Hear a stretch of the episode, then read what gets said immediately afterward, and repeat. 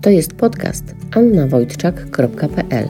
Seria do posłuchania, czyli wpisy blogowe czytane przez autorkę. Wiem, jak trudno jest czasem znaleźć czas na przeczytanie treści, które nas interesują.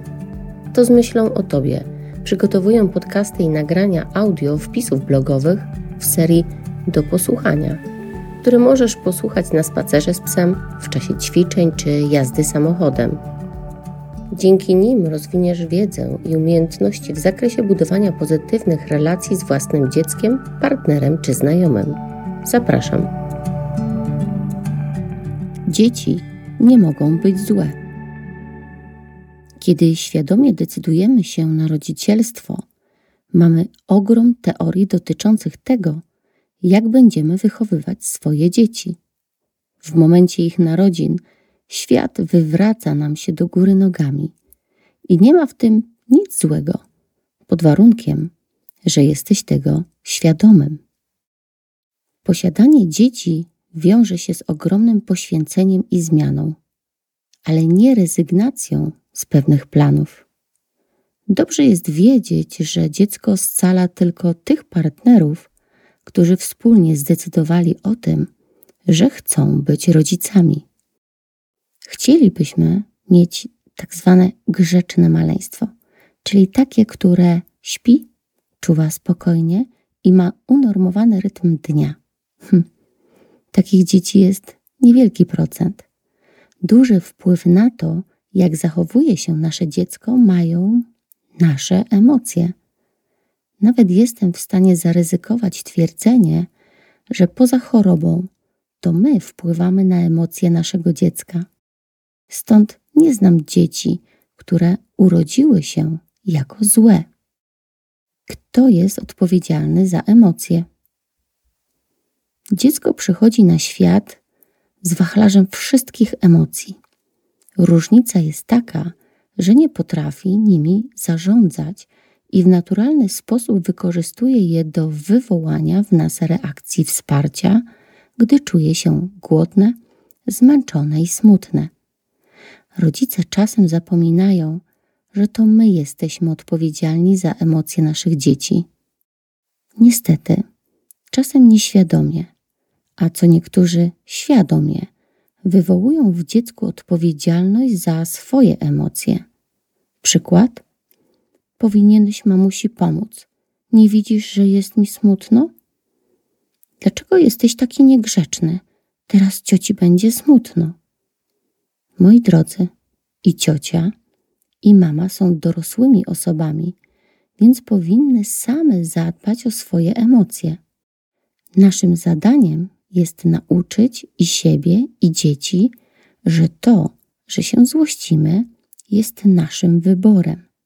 Jeżeli ktoś może z tym coś zrobić, to jesteśmy my od tego, a nie osoby z zewnątrz.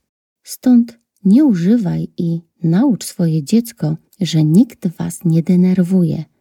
To wy się denerwujecie. Przykład.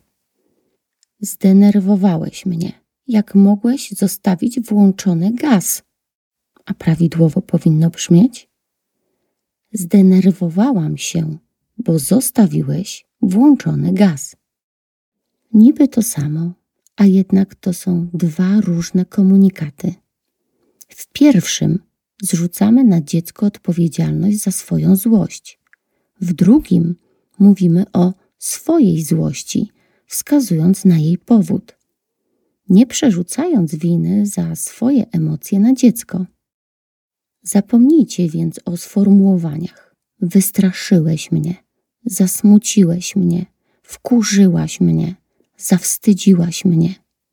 Dziecko może kompletnie nie mieć takich intencji, by nas zezłościć, zawstydzić, zasmucić czy wkurzyć. Pomoc potrzebna od zaraz. Tak, czasem macie prawo czuć się zmęczeni, sfrustrowani, wyczerpani ciągłą opieką nad swoimi dziećmi. Sprawdźcie tylko, czy przypadkiem za dużo od siebie nie wymagacie. Nie wrzuciliście na siebie zbyt wielu zadań. Zajęcia z rytmiki, śpiew, języki obce, pływanie i tym podobne bo przecież chcemy dla dziecka jak najlepiej. My stajemy się szoferami, a nasz dom hotelem, bo gdy późno do niego wracamy, to jedynie na co mamy ochotę, to wskoczyć pod prysznic i położyć się na sofie. A tu jeszcze kolacja, zadania domowe i to co najważniejsze pobyć ze sobą. Nasze dzieci za nami tęsknią i chcą pogadać, a my czasem chcielibyśmy ciszy i spokoju, a nasza energia właśnie się wyładowuje jak bateria w pilocie. Złość wkracza do akcji. Nie tylko my jesteśmy wtedy zmęczeni, dzieci także. Ich energia także się wyczerpuje i czują frustrację z powodu zadań domowych. Wtedy wystarczy byle zapalnik i złość ogarnia całą rodzinę. Niektórym może przejść przez myśl, że nasze dzieci są niewdzięczne, bo przecież tak się dla nich poświęcamy. Jeżeli tak odczuwacie, to wiedzcie, że gdzieś jest czegoś za dużo i dla Was, i dla dzieci. Spójrzcie na harmonogram i zastanówcie się, jak go na nowo ułożyć, czy można coś wyrzucić, czy można dogadać się z innym rodzicem, że w jedną stronę on zawozi, a w drugą wy przywozicie. W dużej mierze to tylko, naprawdę, tylko dobrze zarządzanie w czasie. Nie bójcie się prosić o wsparcie innych osób. Dokładnie każdy rodzic przechodzi, bądź przechodził, lub będzie przez to samo przechodzić. Rodzic i pierwszy nauczyciel.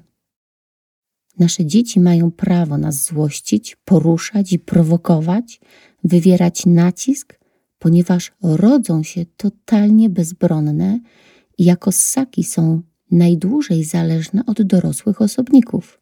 Mając cały wachlarz emocji i brak umiejętności nimi zarządzania, mamy czasem wrażenie, że nasze dzieci celowo nas denerwują. A tak nie jest. W ten sposób demonstrują, że potrzebują naszej pomocy w zaspokajaniu swoich potrzeb. Kto inny niż rodzic ma moralny obowiązek zabezpieczyć te potrzeby i nauczyć dziecko samemu to robić. W pewnym sensie, przywołując dziecko na świat, jesteśmy w dwóch rolach rodzica i pierwszego nauczyciela. Trzy procesy dziecięce. Dlatego też dziecko przychodząc na świat funkcjonuje w trzech procesach: przeżyć, urosnąć i nauczyć się wszystkiego. Stąd, gdy jest głodne, zmęczone, senne, jest mu zimno, gorąco, będzie reagowało w taki sposób, w jaki potrafi, ale także w taki sposób, jak mu pokażemy, że może reagować. Poprzez rośnięcie należy rozumieć przechodzenie przez fazy niemowlęctwa do dorosłości. Oprócz fizycznych zmian, budowania relacji rodzinnych i społecznych, wychodzenia z kręgu najbliższej rodziny w przysłowiowy świat, potrzebują jeszcze wszystkiego się nauczyć. To rodzice, jako nauczyciele pierwotni, a później nauczyciele w przedszkolu i w szkole, w połączeniu z rówieśnikami, uczą się wzajemnie rozwijania swoich kompetencji kluczowych i uniwersalnych które pozwolą im prawidłowo, a co za tym idzie, szczęśliwie funkcjonować w społeczeństwie i systemie zawodowym.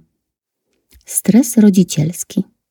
Gdyby tego było mało w dniu narodzin, a właściwie od momentu, gdy dowiadujemy się, że będziemy rodzicami, zaprzyjaźnia się z nami stres rodzicielski. To z nim przyjdzie nam żyć do końca naszych dni począwszy od troski o bezpieczny poród, poprzez zdrowe dorastanie, mądrą młodość, szczęśliwe zakładanie własnej rodziny, aż po wnuki. Mając takiego przyjaciela, jakim jest stres rodzicielski, dobrze iść z nim na układ i nie wywoływać go zbyt często, byśmy nie schowali swoich dzieci pod kloszem. Niestety, dzieci mogą nauczyć się żyć tylko na własnych błędach i przyglądając się błędom innym, ale tylko wtedy, kiedy wzbudzi się w nich refleksja. Mimo całej miłości, nie przeżyjemy za nich życia i nie usuniemy kłód spod ich nóg. Robiąc to, wyrządzamy im tylko ogromną krzywdę. Nie będą potrafili zdrowo funkcjonować w społeczeństwie zawodowo, prywatnie, towarzyskim. Pamiętajmy więc, że dzieci nie rodzą się złe. Jeśli ktoś tak twierdzi, dobrze jest spojrzeć na rodzinę pochodzenia, bo to od niej wyniosło pierwsze i mocno zakorzenione wartości, schematy zachowań i system reakcji.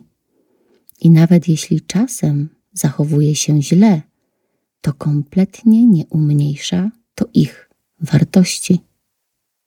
Warto przeczytać.